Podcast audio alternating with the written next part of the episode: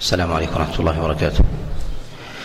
الحمد لله رب العالمين وصلى الله وسلم وبارك على نبينا محمد وعلى آله وأصحابه ومن تبعهم بإحسان إلى يوم الدين أما بعد فنتكلم على شيء من الأحاديث المتعلقة بأحكام الصلاة في أبواب السهو وقد تقدم معنا في المجلس السابق أول الأحاديث أو أوائل الأحاديث المتعلقة بأبواب بأبواب سجود السهو في الصلاة. ونتكلم في هذا المجلس على شيء منها وأول هذه الأحاديث هو حديث عمر بن الخطاب عليه رضوان الله تعالى أن رسول الله صلى الله عليه وسلم قال ليس على من خلف الإمام سهو. فإذا سهى الإمام فإذا سهى الإمام وسجد سجد من خلفه.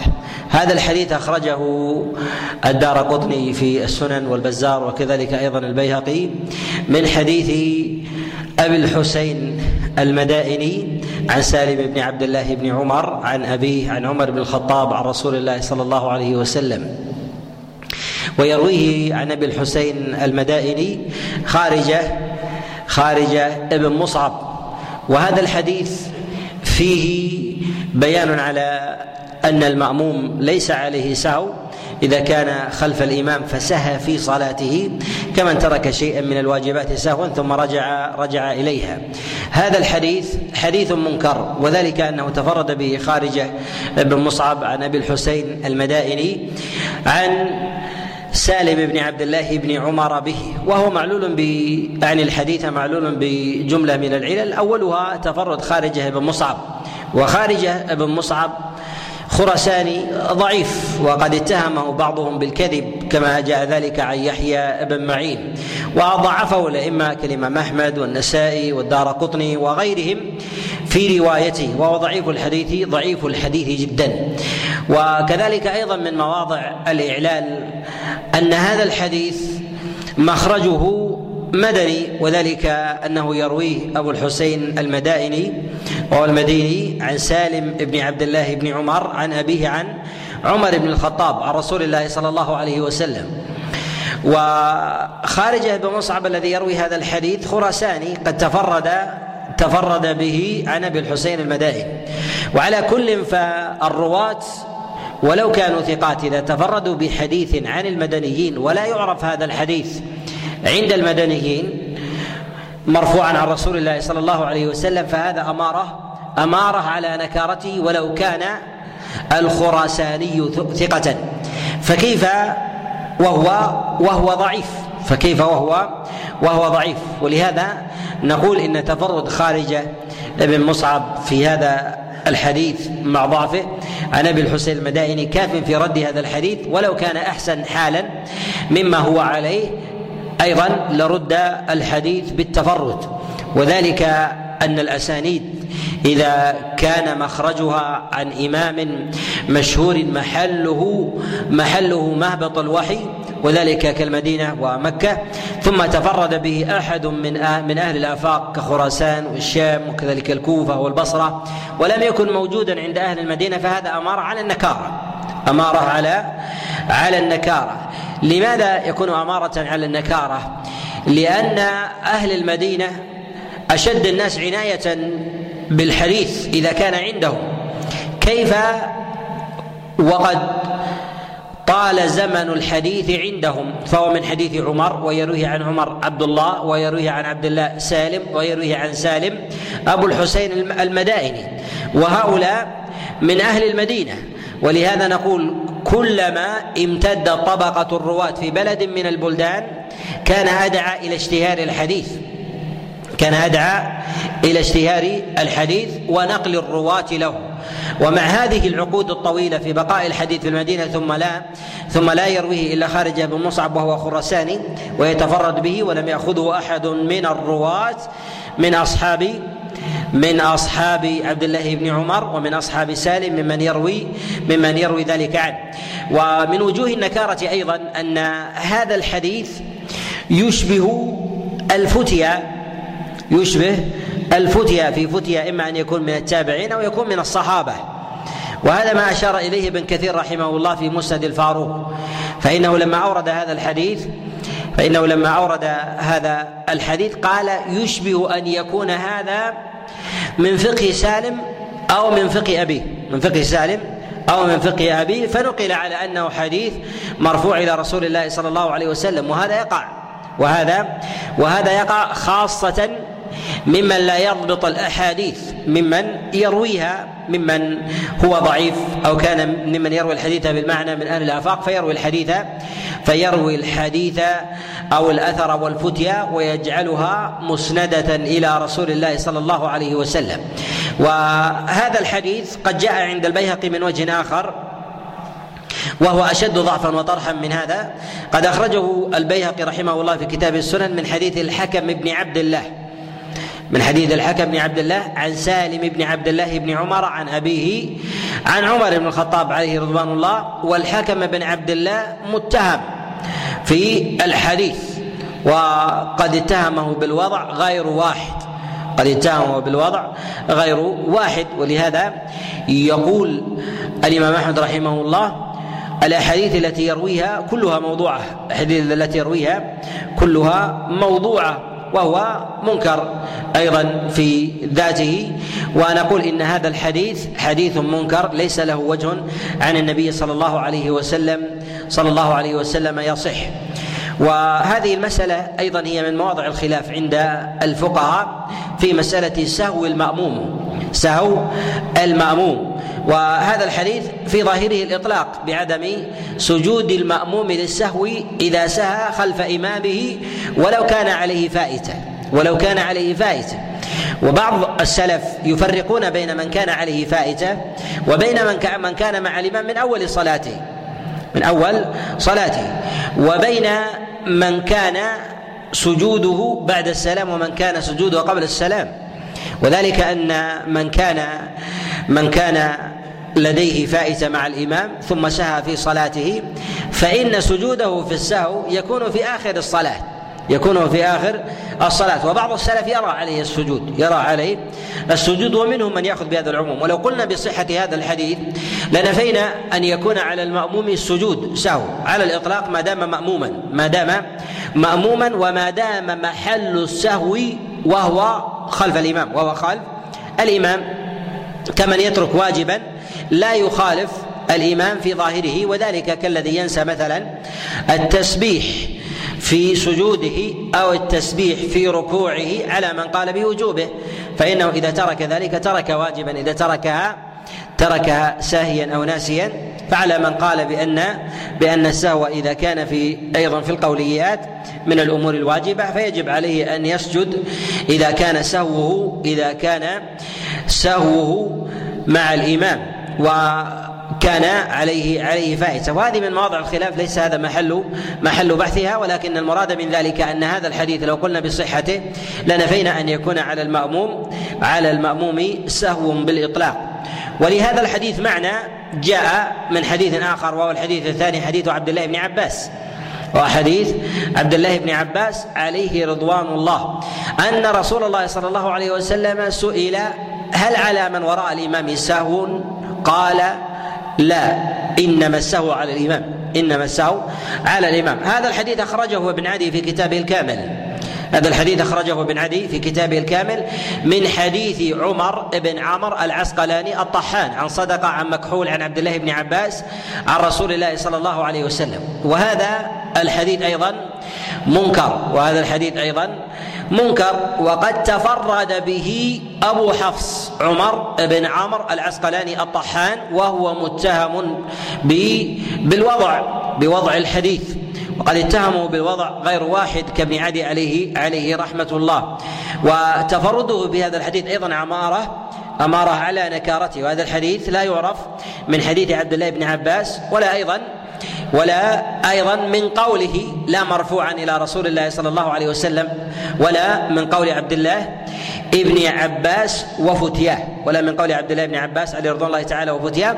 وكذلك أيضا فإن هذا الحديث يرويه صدقة عن مكحول عن عبد الله بن عباس ومكحول لم يسمع من عبد الله بن عباس ومكحول لم يسمع من عبد الله بن عباس وهي علة. ولكن قاعدة عند العلماء أن الحديث إذا وجدت فيه عدة علل فإنه يعل بأشدها فإنه يعل بأشدها وأشد هذه العلل في هذا الحديث هو تفرد عمر بن عمرو العسقلاني الطحان أبو حفص بهذا بهذا الحديث.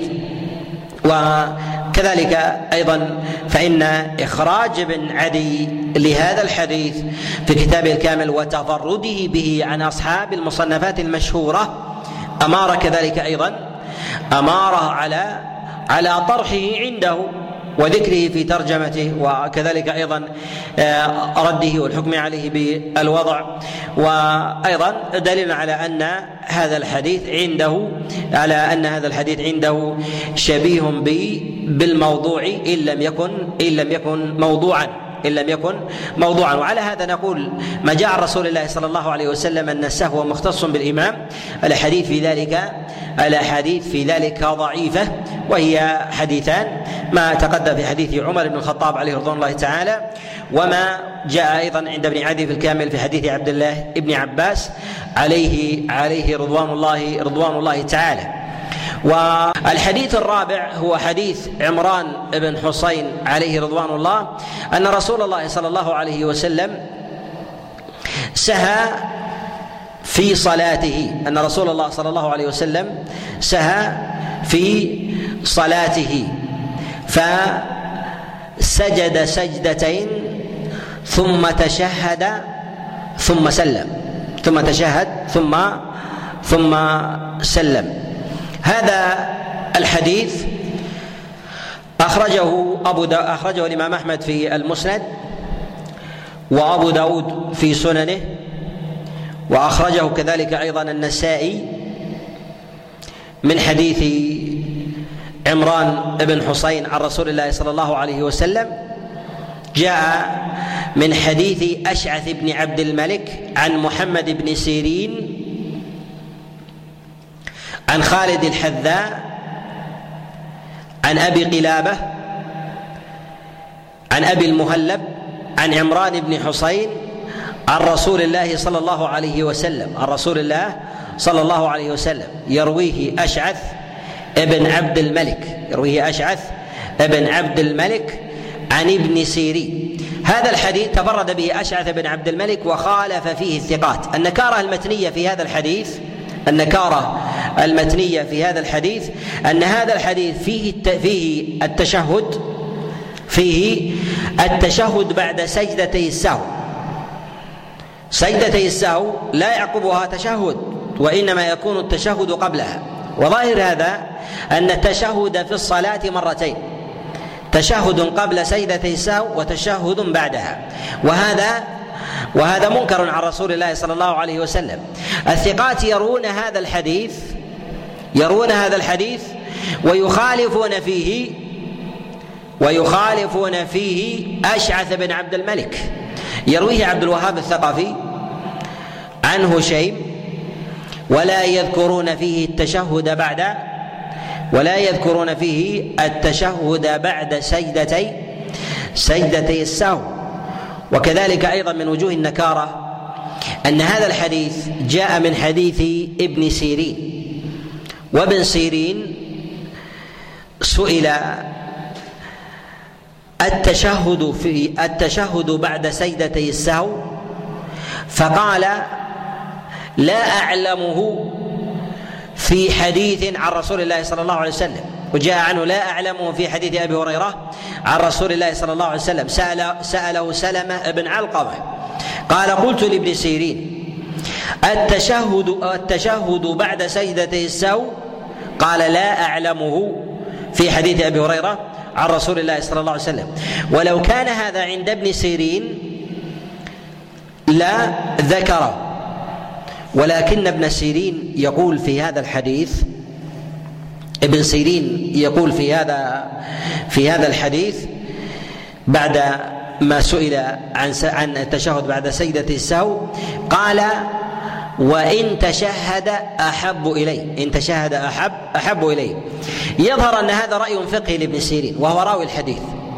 يظهر أن هذا رأي فقهي لابن سيرين في هذا في هذا الحديث. فجعل قول فجعل قوله الفقهي رواية. فجعل قوله الفقهي رواية. وهذا محتمل ويرد أيضا عند بعض الضعفاء. ويرد أيضا عند عند بعض الضعفاء وذلك أنهم يذكرون بعض الأحاديث مثلا التي فيها فيها فقهاء أو أئمة يجلون يجلهم النقلة فيجعلون أقوالهم مسانيد إلى رسول الله صلى الله عليه وسلم. وهذا يرد عند عند بعض عند بعض الضعفاء وهذا يرد عند عند بعض الضعفاء. ولهذا نقول إن من مواضع إدراك أماكن العلل للناقد أن يميز الأسانيد أن يميز الأسانيد ويميز الرواة وأن ينظر في من له فقه من رجال الإسناد عمن ليس له فقه. عمن ليس ليس له فقه. الرواة في ذلك يتباينون. وهم على نوعين. رواة لهم دراية فقهية ورواة أصحاب رواية فقط. فالرواة على نوعين. رواة أصحاب دراية يعني فقه ورواة أصحاب رواية فحسب. وتمييز أولئك من أولئك مهم جدا. ومواضع الإدراك لهؤلاء لا يمكن أن يتحقق ذلك لطالب العلم إلا إذا كان من أهل النظر في فقه السالفين. إلا إذا كان من أهل النظر في فقه السالفين فيعرف فقه المدنيين فقه المكيين فقه الكوفيين والبصريين والشاميين واليمانيين والمصريين والخراسانيين فيميز هؤلاء عن هؤلاء.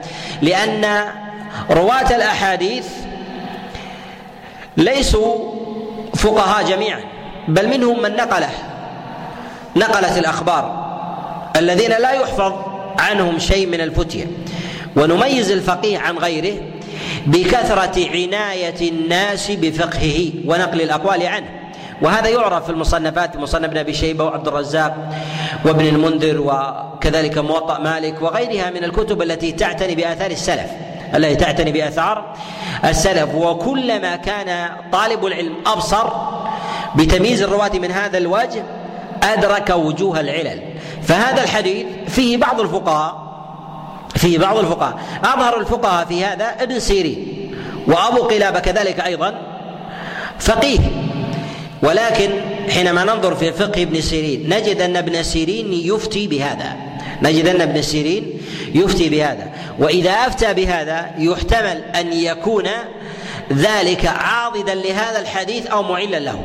إما أن يكون عاضدا لهذا الحديث أو معلا أو معلا له. والميل إلى أن ذلك علة هو الأقرب. لماذا؟ من وجهين.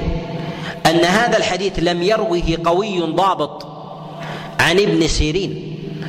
لم يروه قوي ضابط عن ابن سيرين حتى يقال بأن هذا الحديث هو حديث هو حديث صحيح وإنما تفرد به أشعث بن عبد الملك وخولف أيضا في ذلك. فقد خالفه عبد الوهاب الثقفي يرويه عنه شيء يرويه عن عنه شيء. فروى هذا الحديث ولم يذكر فيه التشهد بعد ولم يذكر فيه التشهد بعد سجدتي سجدتي الساو. والأمر الثالث أن ابن سيرين نفسه نفى أن يكون ذلك عن رسول الله صلى الله عليه وسلم أن يكون ذلك عن النبي عليه الصلاة والسلام. فالتلاميذ ربما يرفعون أو يسندون الأحاديث التي تروى عن النبي صلى الله عليه التي تروى من أقوالهم فيجعلونها مسانيد عن النبي عليه الصلاة والسلام. تقدم الإشارة قريبا معنا في قول ابن كثير رحمه الله في قوله قال هذا يشبه فقه سالم أو فقه أبيه. يشبه فقه سالم أو فقه أو فقه به يعني أنه ليس من أقوال النبي صلى الله عليه وسلم ويدركها الإنسان ذلك بالنظر. ولهذا نقول إنه ينبغي لطالب العلم إذا نظر في الأسانيد أن يميز الفقهاء وأن ينظر في اقوالهم ينظر في في اقوالهم الحديث الخامس هو حديث عائشة عليه رضوان الله تعالى أن رسول الله صلى الله عليه وسلم قال إذا سهى الإمام قبل التمام سجد سجد قبل السلام. وإذا سهى بعد التمام سجد بعد السلام. هذا الحديث أخرجه الطبراني في كتاب المعجم وأبو نعيم في أخبار أصفهان من حديث حاتم بن عبيد الله عن عيسى ابن ميمون. عن عيسى ابن ميمون. عن هشام بن عروة. عن أبيه عن عائشة عليها رضوان الله تعالى. وهذا الحديث حديث منكر. وهذا الحديث حديث حديث منكر. ونكارته في ذلك من عدة وجوه. أولها أن هذا الحديث تفرد به عيسى ابن ميمون. وعيسى بن ميمون هو مولى القاسم بن محمد بن أبي بكر. ومولى القاسم ابن محمد ابن ابن أبي بكر. و وهو منكر الحديث. وهو منكر الحديث. قد حكم بنكارته غير واحد من من العلماء. ثم أيضا إنه مشهور الرواية عن القاسم بن محمد وحديثه عن هشام بن عروة قليل. حديثه عن هشام بن عروة عروة قليل وله نحو أربعة أحاديث وهذا هذا قليل. ثم أيضا إن هذا الحديث يتضمن تفصيلا إن هذا الحديث يتضمن يتضمن تفصيلا في تمييز مواضع سجود السهو في مواضع سجود سجود السهو. وذلك أن أنه قسم السجود إلى قسمين. إما قبل السلام وذلك في السهو قبل التمام وإما بعد السلام وذلك في السهو بعد التمام. فإذا كان بعد التمام فيسجد بعد السلام وإذا كان قبل التمام فإنه يسجد يسجد قبلها. وهذا التفصيل لو كان عن رسول الله صلى الله عليه وسلم لنقل ولم يتفرد به عيسى عيسى بن ميمون. وعيسى بن ميمون منكر الحديث وعيسى بن ميمون منكر منكر الحديث.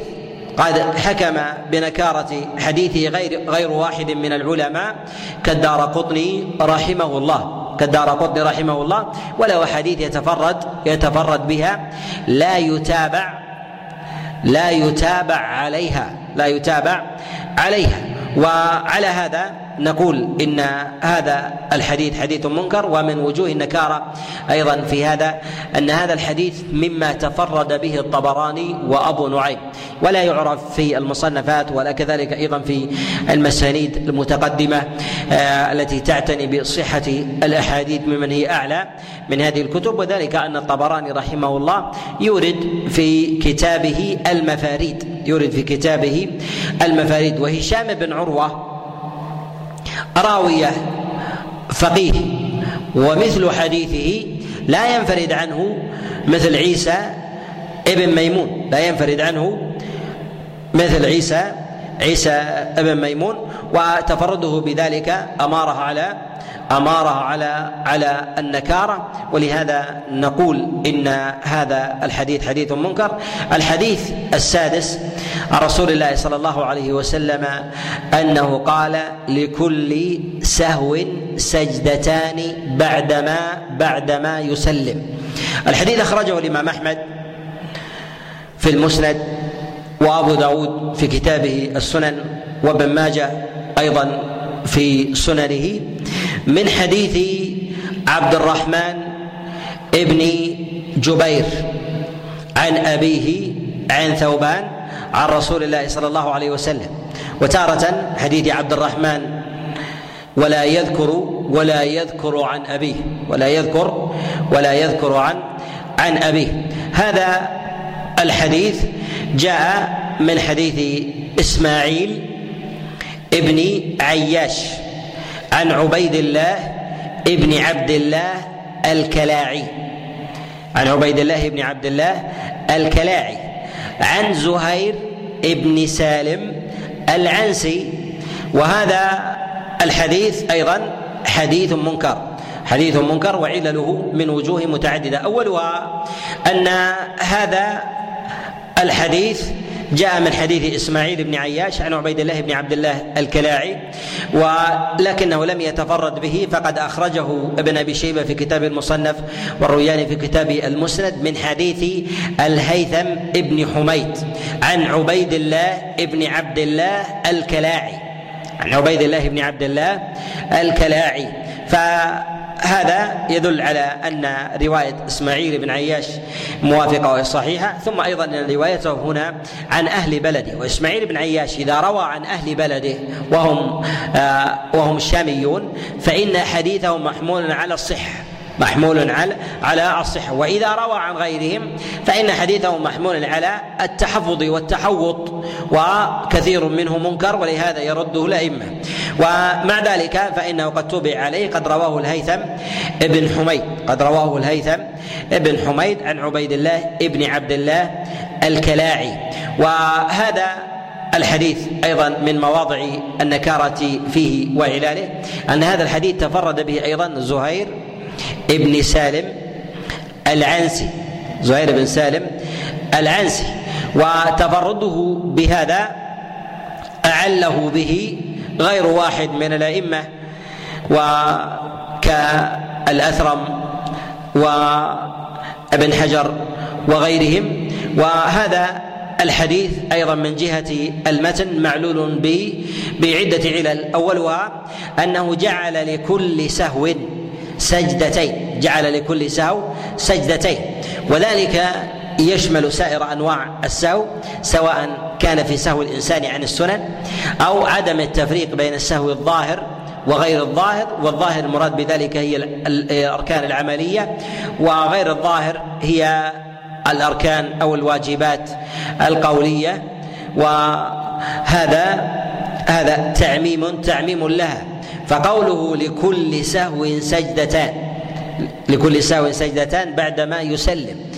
تعميم السهو بإطلاق أن له سجد له سجدتان هذا منكر وإنما نقول إنما السهو الذي جاء النبي عليه الصلاة والسلام ما كان في ترك واجب.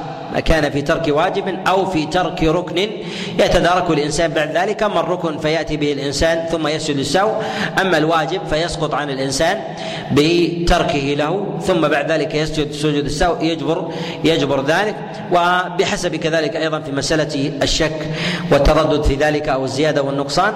وأما بالنسبة لترك المستحبات فإن هذا لم يثبت عن النبي صلى الله عليه وسلم فيه شيء. لم يثبت عن النبي عليه الصلاة والسلام فيه شيء. وكذلك من وجوه النكارة في هذا الحديث أن هذا الحديث جعل جميع سجدات السهو بعد السلام. جعل جميع سجدات السهو بعد السلام. وهذا وهذا منكر أيضا. وذلك أن السجود هنا في قوله لكل سهو سجدتين بعدما يسلم يعني أن الأحاديث الواردة عن رسول الله صلى الله عليه وسلم في السجود قبل السلام يرد العمل بها يرد العمل العمل بها وهذا وهذا منكر وهذا منكر بل هي أقوى أقوى منه. ولهذا نقول أيضا إن من ظواهر صنيع البخاري ومسلم في صحيحيهما رد هذا الحديث وذلك أنهما لم يخرجا في صحيحيهما حديثا في أن سجود أن سجود السهو يكون بعد السلام بالإطلاق يكون بعد السلام بالإطلاق وإنما ذلك يقيد بالقيد الذي يأتي الذي يرد فيه إما في صورة زيادة أو نحو ذلك. ثم أيضا إن هذا يعارض الأحاديث الثابتة عن رسول الله صلى الله عليه وسلم.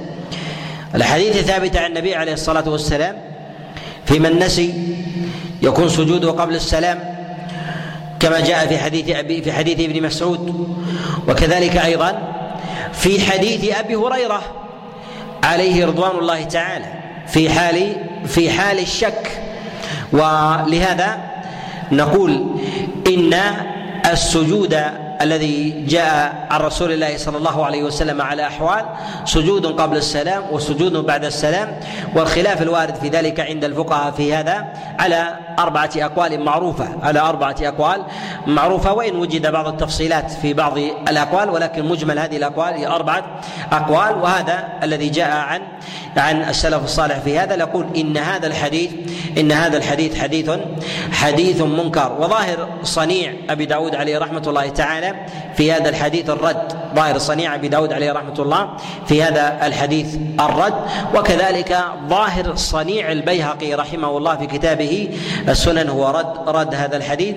ونستطيع أن نقول إن كل حديث جاء عن رسول الله صلى الله عليه وسلم بلفظ العموم بجعل السجود كله في جميع أنواع السهو قبل السلام أو بعده أنه لا يخلو من علة أنه لا يخلو من علة والتحقيق في ذلك في ذلك التفصيل على ما جاء رسول الله صلى الله عليه وسلم سواء في حديث أبي سعيد أو في حديث أبي هريرة أو في حديث ابن مسعود أو غيرها عن رسول الله صلى الله عليه وسلم. نكتفي بهذا القدر صلى الله وسلم وبارك على نبينا محمد.